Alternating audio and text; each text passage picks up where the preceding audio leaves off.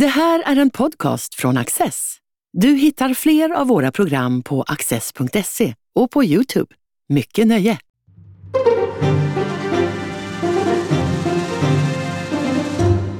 Välkomna till Studio Access.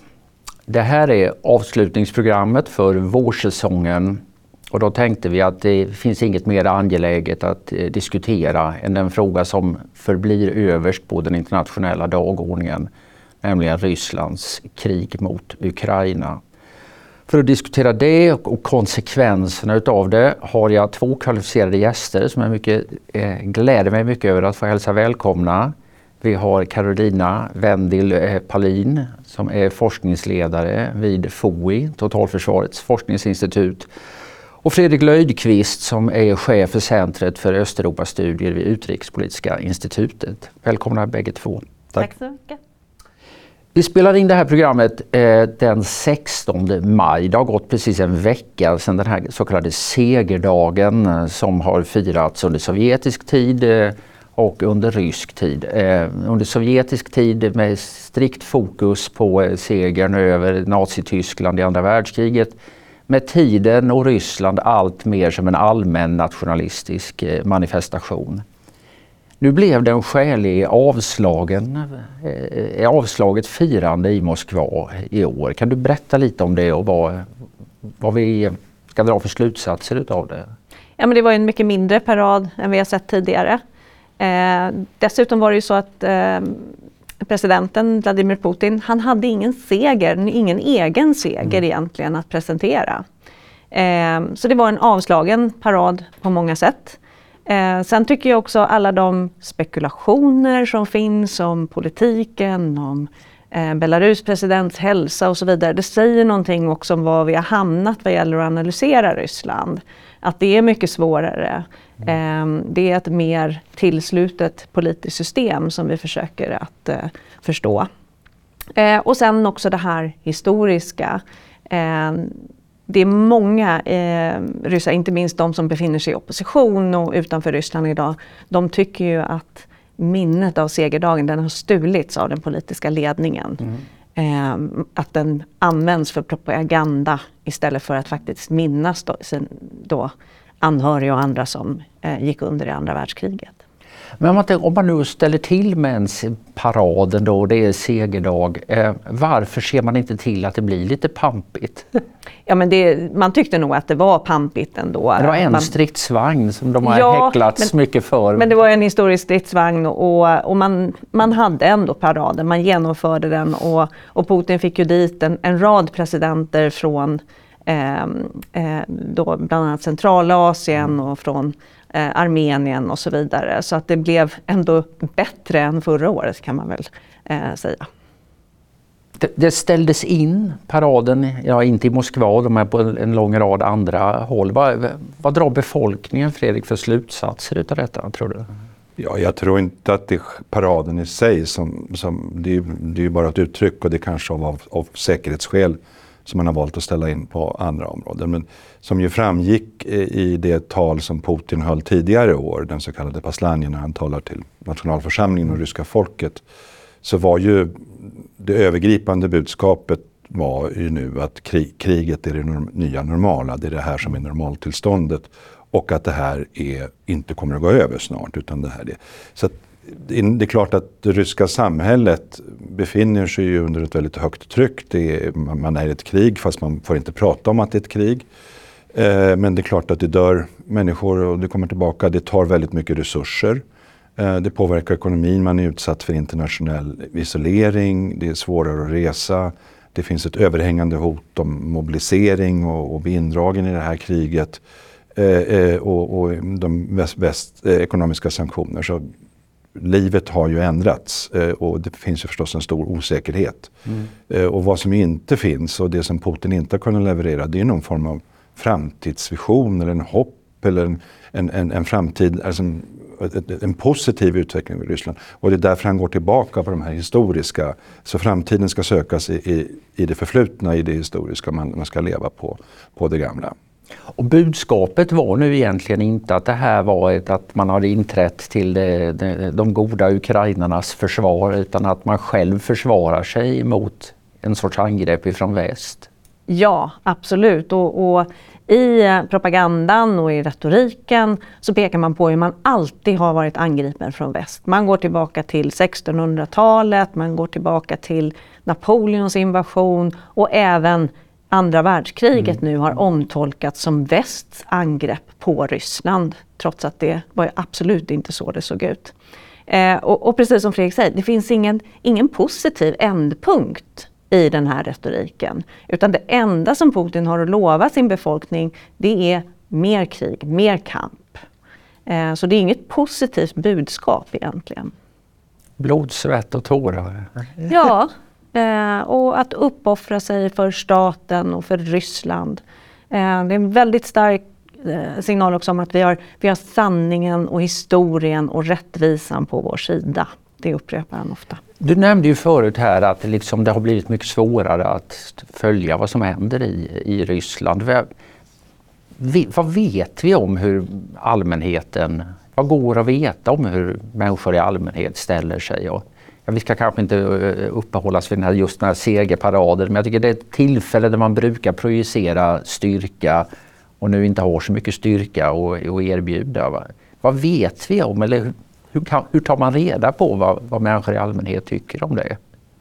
Ja, men tidigare har vi kunnat förlita oss någorlunda på opinionsundersökningar och inte minst då på de mer renommerade opinionsundersökningsinstituten som Levada Centrum.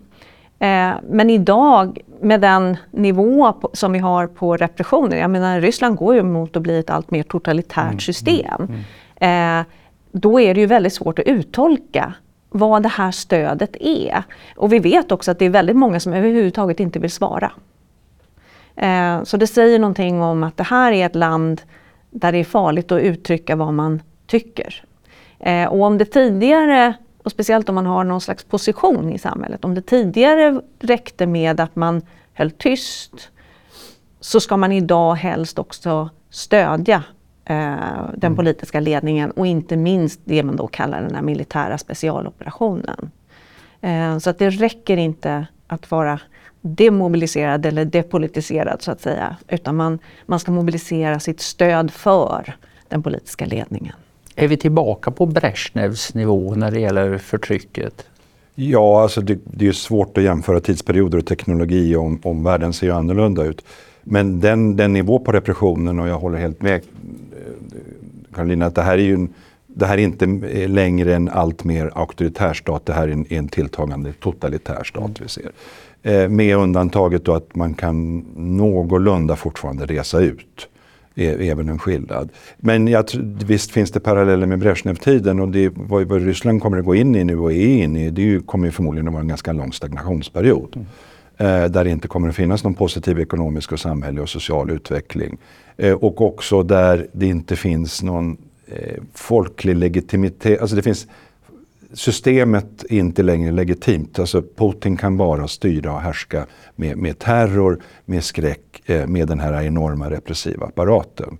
Eh, men människor kan inte ge uttryck för sina åsikter.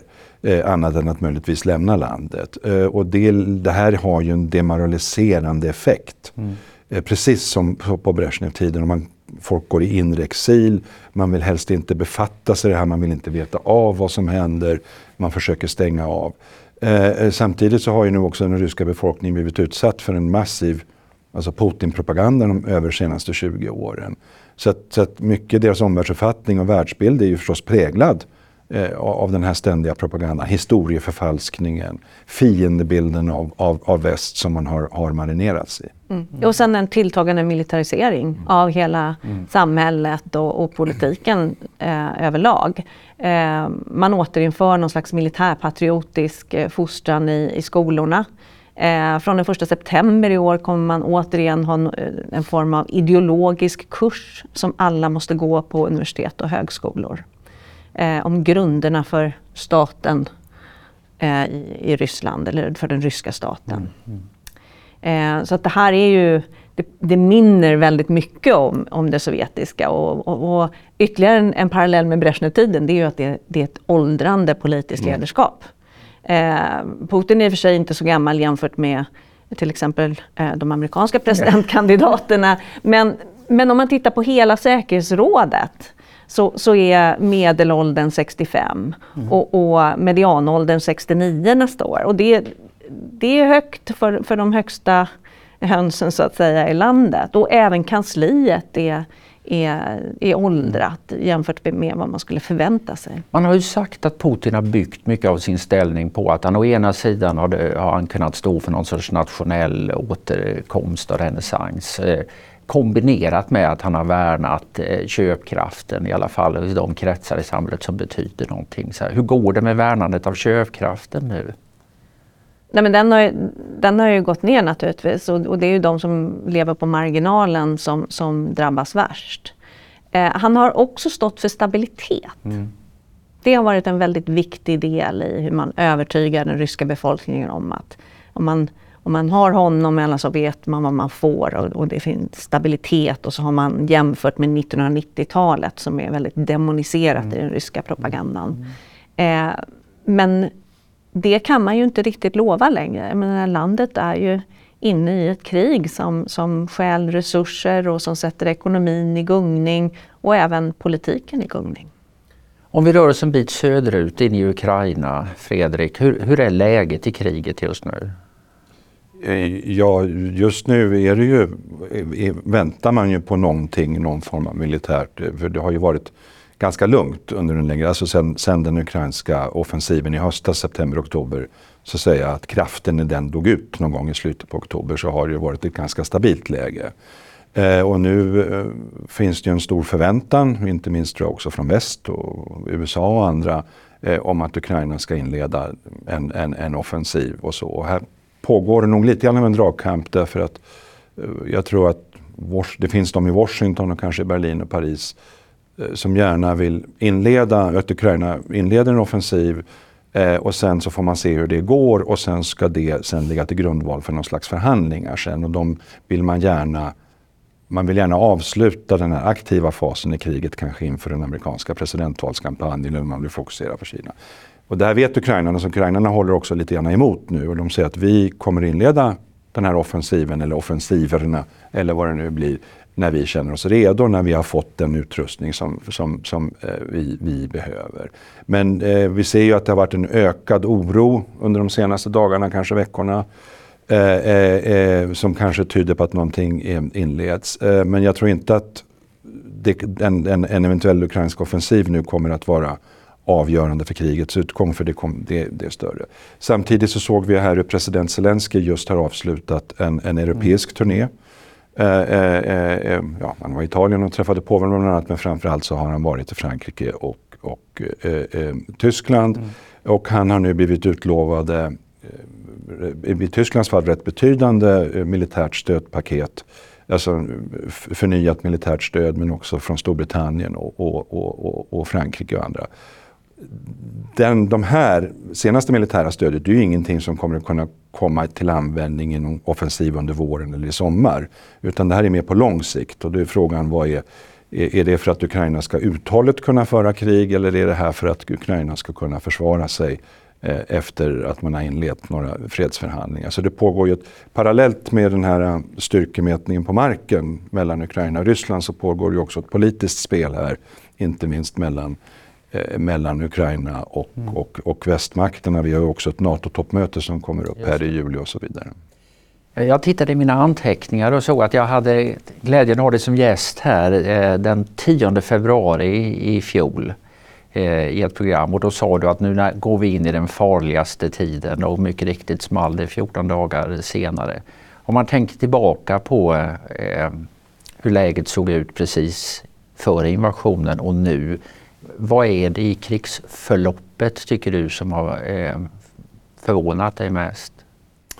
Ja, alltså det, vi, vi, har väl alla blivit förvånade och inte minst Putin har ju blivit förvånad för han i sig tror jag inte det här beslutet utifrån hans världsbild och hans informationsläge och hans målsättningar var irrationellt. Utan snarare tvärtom, det var rätt tydligt vad avsikten bakom det var. Däremot så hade han ju kraftigt överskattat den egna ryska militära förmågan, underskattat den ukrainska motståndskraften, samhälleliga och militära motståndskraften och också väst, styrkan och robustheten i västs reaktioner. Eh, och det tror jag väl, allt det här har ju nog överraskat också folk i, i, i, i väst och så vidare. Eh, sen har det här genomgått olika faser. Vi ska komma ihåg att det som inleddes den 24 eh, februari förra året var ju i sig inte en militär planerad operation som, som var liksom planerad av generalstaben utan det var ju ett, ett politiskt kuppförsök. Eh, där man skickade in specialförband i Kiev som det var kampen om den här flygplatsen utanför ja, Kiev. Ja. Eh, och tanken var ju att man skulle lamslå och slå ut den politiska ledningen. Och sen kunna rulla in så att säga. Och det var ju därför också när det misslyckades, det var 10, 11, 12 försök eh, och en del var nog rätt nära att man nådde fram till Zelensky. Eh, eh, sen så var man ju helt oförberedd för militären var inte alls förberedd eller informerad eller man hade inte övat eller planerat och man hade inte logistiken på plats och det gjorde att man körde fast och sen ukrainarna mycket framgångsrikt Eh, då kunde stå emot. Ehm, det som jag tycker är intressant är att alltså, Ryssland har ju i någon mening underpresterat och Ukraina överpresterat enligt vad vi, tro, vad vi, vad vi, vad vi trodde. Och det är ju ett uttryck för respektive lands samhällssystem. Anledningen till att Ryssland inte har presterat bättre det är ju därför att det är ett, det är ett skräckvälde, eh, det är en, en, en, en, envåld, en enväldig härskare. Eh, eh, man vågar inte, beslutsunderlagen är ofullständiga, man vågar inte säga sanningen uppåt. Det är korruption, det är liksom ett top-down-styre och så vidare som, som blir väldigt dysfunktionellt. Medan Ukraina då har visat att man har liksom pluralistiskt, det är ett starkt civilsamhälle, det är bottom-up, det är, är, är, mycket initiativ på lokal nivå, en enorm uppfinningsrikedom och kreativitet. Mm. Eh, eh, där lokala civilsamhället, militära befälhavare, eh, också i krigföringen, man har till exempel tagit eh, i princip alltså, eh, appar som, alltså liknande Uber-appen och kopplat ihop det med, med artilleriradar eh, eh, och artillerioperationer på ett sätt som ligger långt före något av NATO-länderna eller USA har idag. Och det här visar ju bara hur olika de här länderna har utvecklats. Och det som är Rysslands svaghet är Ukrainas styrka. Carolina, är, är du förvånad över att det har gått så trögt för den ryska invasionsmakten. Man tänker Ryssland en stormakt, en supermakt. Då borde vi kunna knäcka detta i Ukraina ganska lätt. Men så har det inte alls blivit. Nej, men om man tittar på den styrkan som de hade, vi vet ju inte exakt, men säg att det var 180-200 000 man. Mm. Eh, det är för lite om man ska genomföra en stor regel, regelmässig militär operation mot ett sådant land som Ukraina. Mm. Det, det är Ukraina är ju ett stort land. Mm. Det, de områden som Ryssland idag kontrollerar eh, i Ukraina, det, det motsvarar ungefär eh, Sverige söder om Stockholm. Så, jag menar, det, det, ser litet ut när vi tittar på det på TV, men det här är, det är ju enorma ytor. Mm. Eh, så att, att man skulle kunna ta eh, hela Ukraina med ja, 180-200 000 man, eh, det, ja, I så fall ska det vara i form av en kupp som, som Fredrik mm. sa. Mm. Ja, det var kanske det man hade tänkt. Ja. ja. Men, men det är också det att det är inte bara en fråga om att ta Ukraina utan du ska ju hålla det också. Mm. Eh, och, och, där tror jag det, det som Ryssland inte hade förstått var att Ukraina hade varit i krig i åtta år. Eh, det innebar bland annat att Ukraina hade ju roterat militär personal ut med kontaktlinjen i Donbass. Så man kan säga att Ryssland hade tränat upp den ukrainska armén? Ja, det innebar att de, hade byggt upp en, eh, ett militärt kunnande eh, och de hade faktiskt en militär reserv att sätta in. Mm. Eh, och Ryssland hade nog inte följt utvecklingen i Ukraina eller man hade, man hade sett det man ville se mer eller mindre. Och jag tror det här har lite grann också att göra med imperiets förakt för kolonierna. Mm. Just hur man se, alltid har sett på Ukraina i Ryssland, liksom som att det är bönder. Att de är lite fåniga, att de är lite roliga. Efterblivna. Ja. Mm. Eh, vilket inte alls då stämmer med sanningen. Och, och, det som också har hamnat kanske lite i skuggan det är ju liksom vad som hände på, på cyberområdet. Mm. Där trodde vi också att Ryssland skulle vara väldigt framgångsrikt och de, de var närvarande i olika system. Men det visade sig att Ukraina kunde också. Eh, dels var de resilienta, de kunde motstå många av attackerna och de fick hjälp från väst. Bland annat Microsoft var där innan. Eh, men också, de kunde snabbt få över eh, olika hackergrupper internationellt som mm. attackerade Ryssland. Eh, så det var en hel del överraskningar skulle jag säga i detta krig. Man vänjer sig så snabbt vid saker och ting men en, som, en sak som jag tycker förblir väldigt konstig det är den här Wagnergruppen och dess eh, ändå relativa betydelse i, som en ganska stor del av de ryska styrkorna på plats. Vad är det? Var, varför använder man det här eh, och numera allt sjaskigare för, förbanden?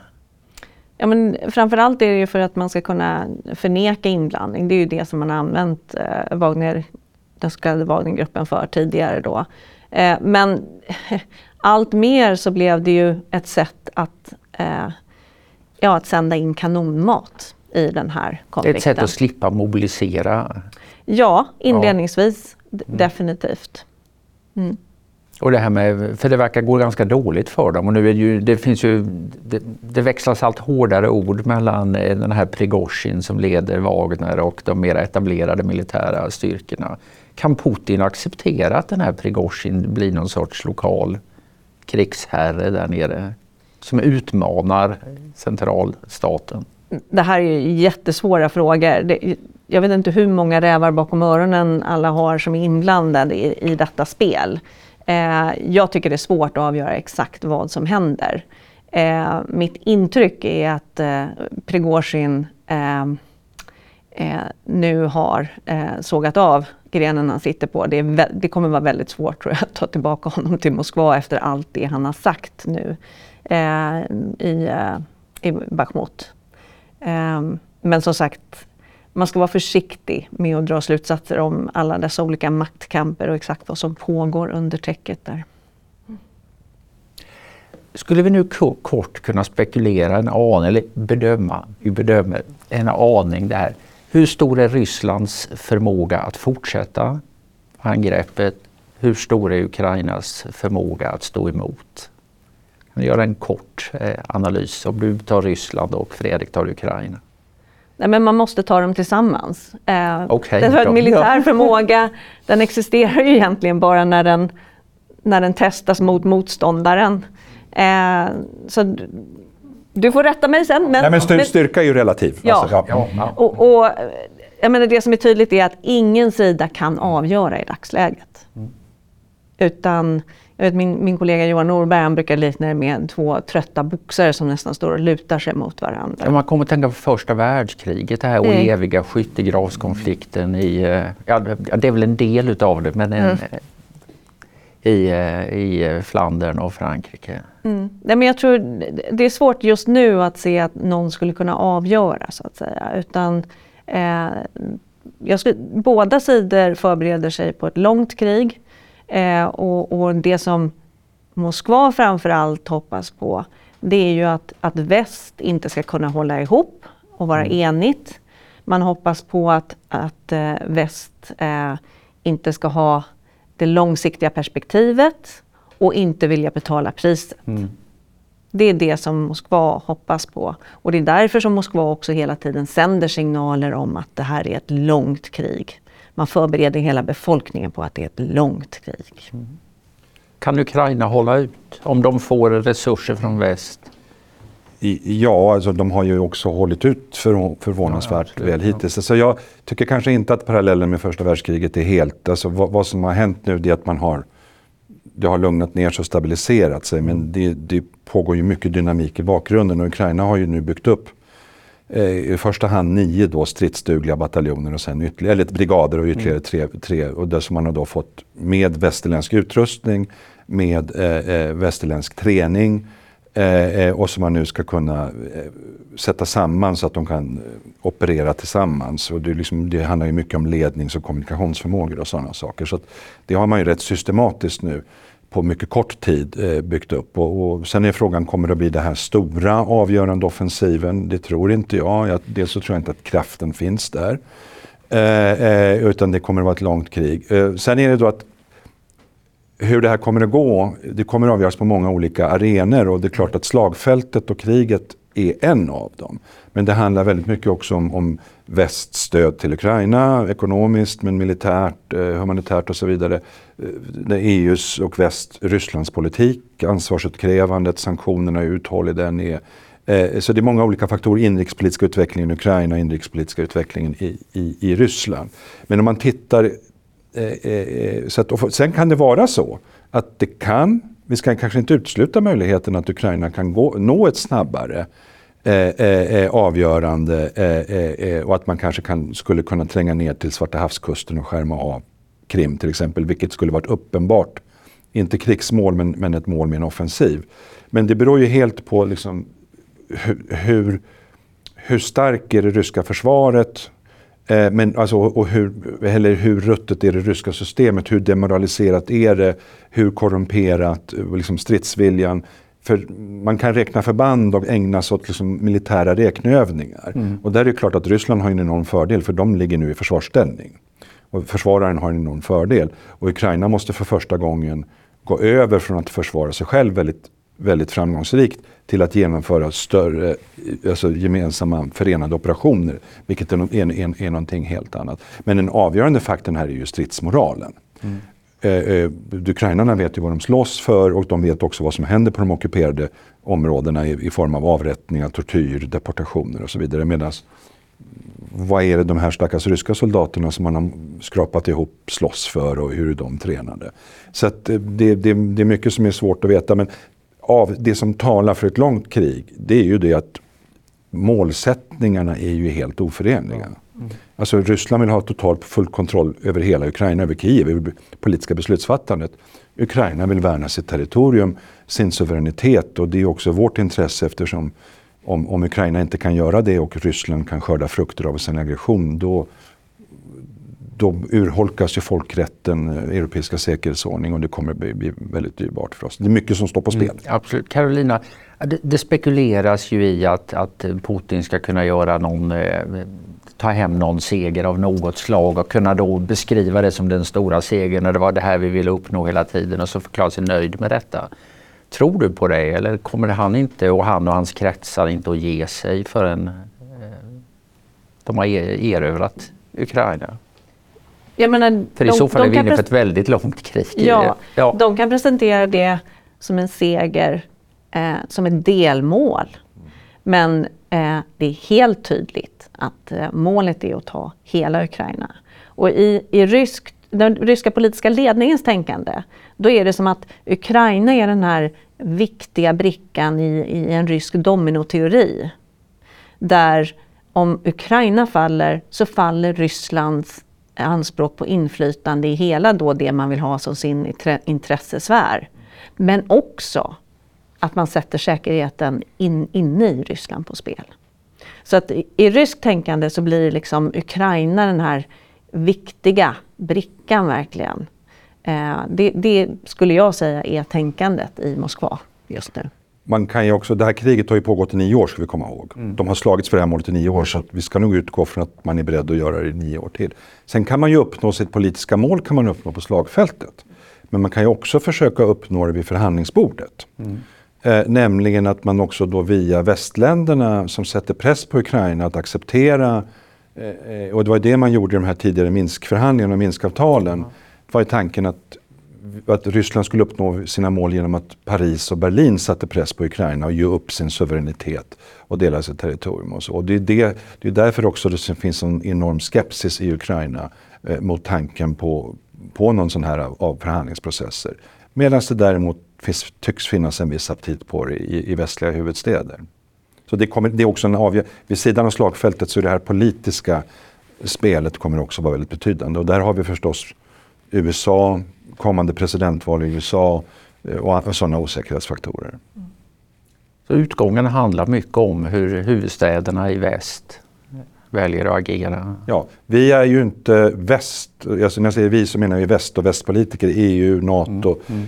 är ju inte observatörer som står utanför utan vi är ju aktörer. Alltså utfallet av det här påverkas väldigt mycket vad vi gör och inte gör. Tiden har rusat ifrån oss på sedvanligt sätt. Carolina, är det någonting du skulle vilja lägga till avslutningsvis?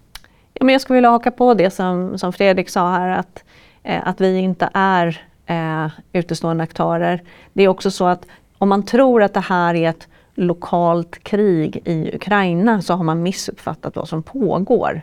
I, åtminstone ur, från den ryska horisonten. Eh, Putin ser det som att han bekämpar väst i Ukraina. Eh, och typiskt när han pratar om specialoperationen då i, i Ukraina, då är det alltid en militär specialoperation. När han pratar om förhållanden mot väst så pratar han om krig. Eh, och det där är nog dags för oss att ta till oss och förstå att det är så det ligger till. Det är en systemkonflikt. Mm. Tack så hemskt mycket till er båda. Carolina Wendel Palin, Fredrik Löjqvist. Tack så mycket. Du har just lyssnat på en podcast från Access. Du vet väl att vi också är en tv-kanal och tidning? Teckna en prenumeration idag på access.se.